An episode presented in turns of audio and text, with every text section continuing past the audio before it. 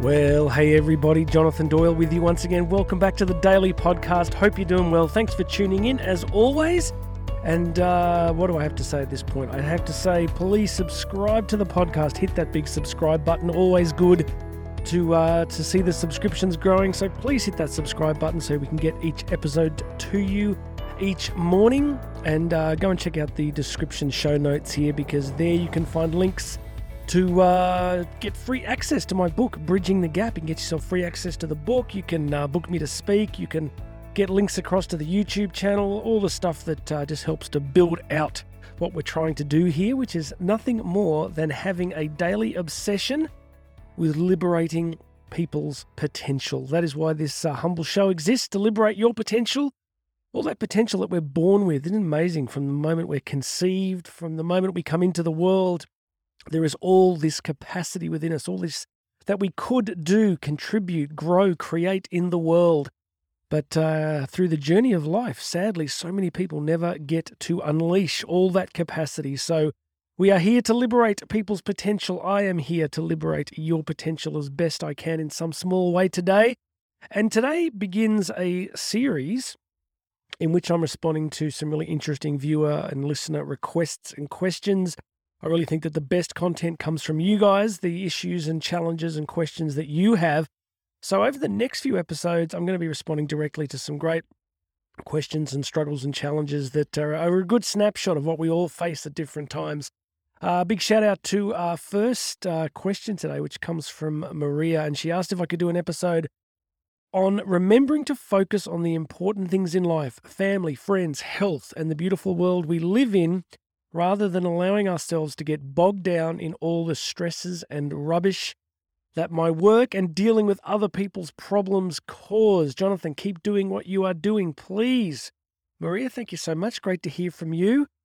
The essence of this interesting request is the truth that we live in this world at the moment where our attention is highly, highly, highly fragmented.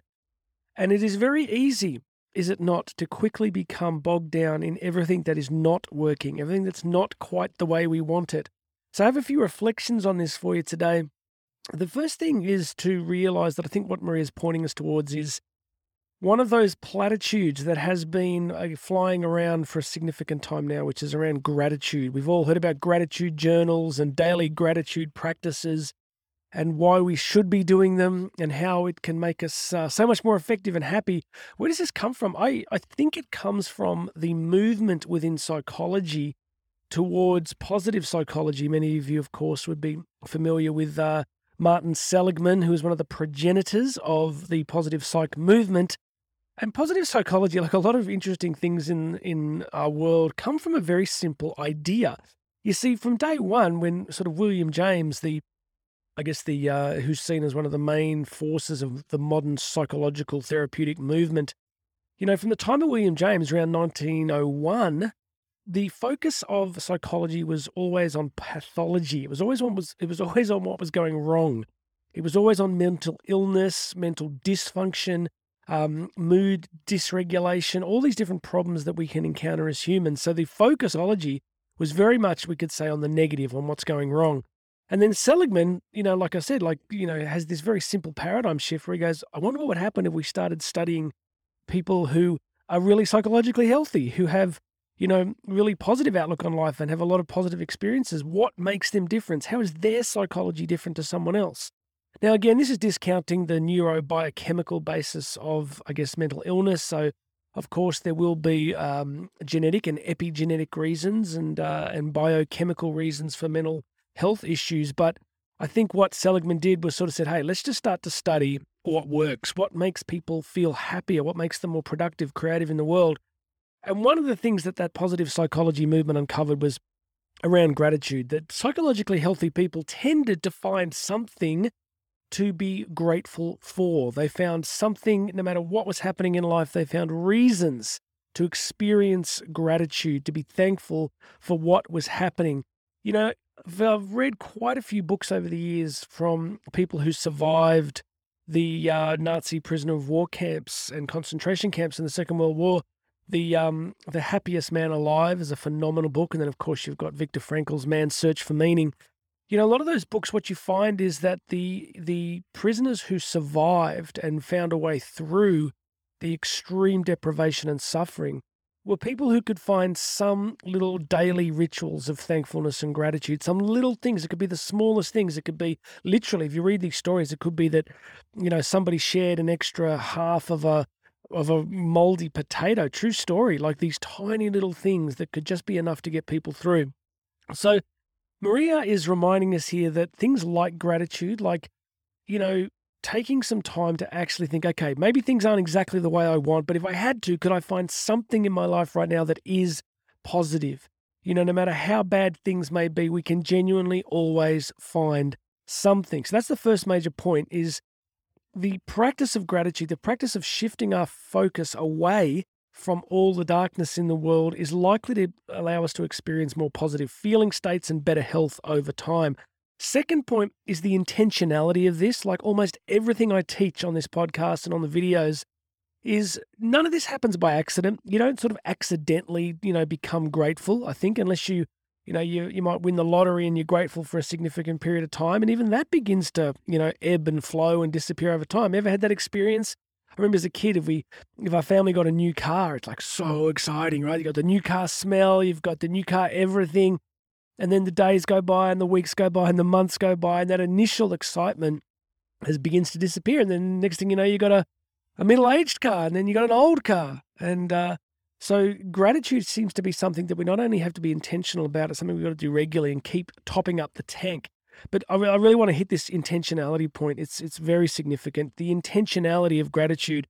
We've got to be deliberate about it. We've actually got to go, yep, it's not exactly what I want, but I'm going to choose today to be thankful and grateful to, uh, for this, for these things.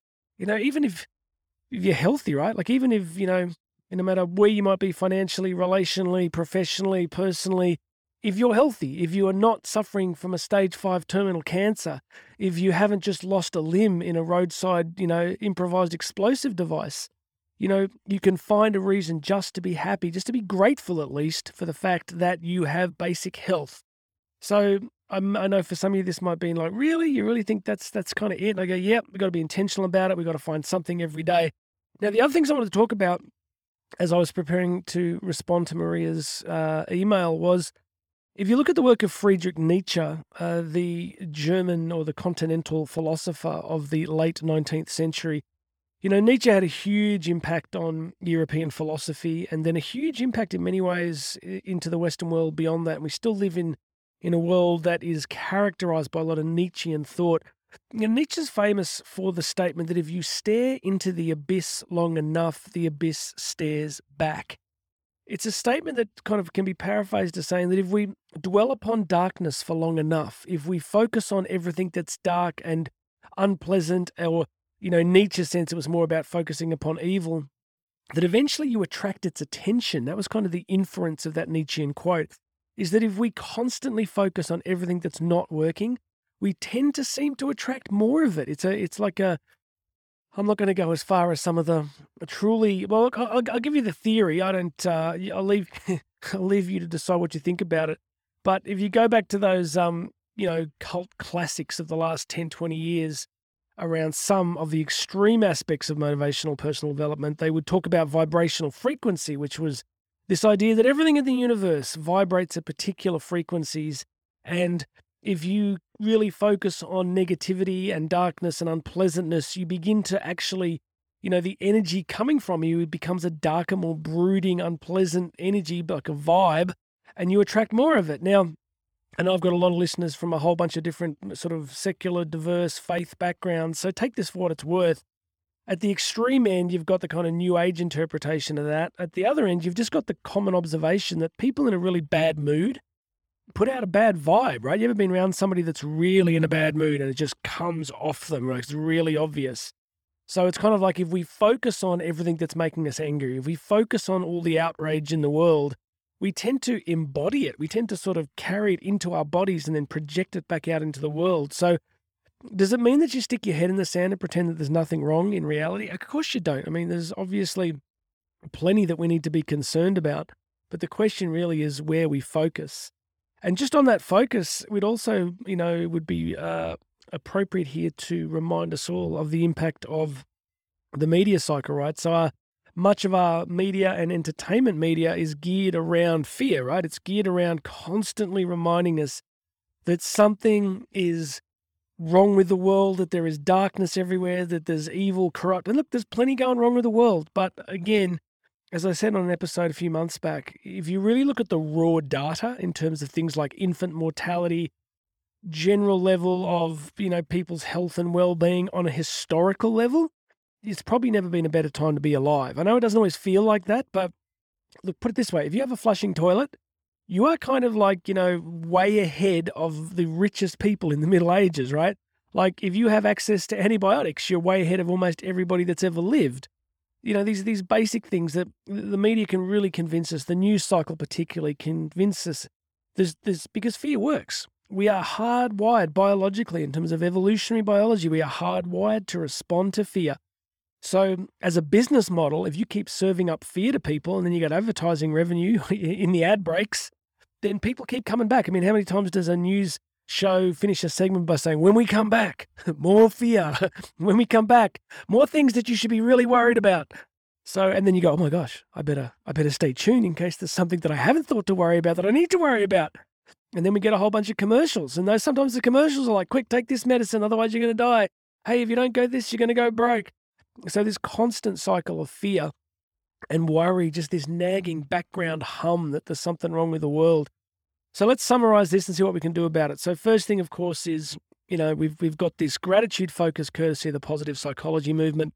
We've got the uh, the Nietzschean imperative that when we focus upon the darkness, we tend to, in some sense, embody it and re uh, redirect it through ourselves.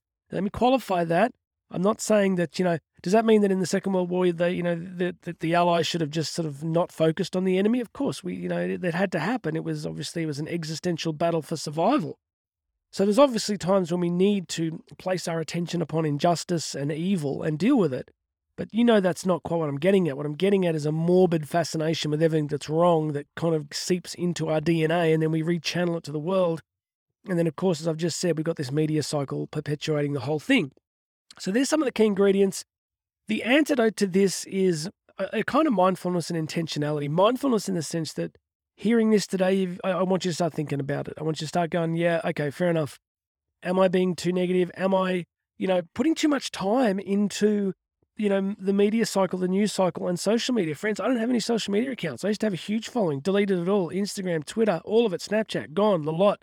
Don't have anything. The only thing I have you could sort of vaguely call social media now would be YouTube, because I just think it's a good way to share content. That's about it.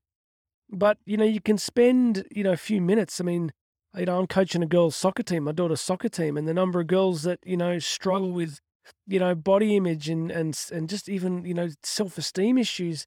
And we know this incredible issue coming through social media where there's this endless focus on inadequacy on everybody else having this remarkable, wonderful lives and we're not. Everybody else is on the best holiday in Bali and we're not. Everybody else is driving this car or getting this done or looking like this or photographing the perfect breakfast at the best cafe and we're not.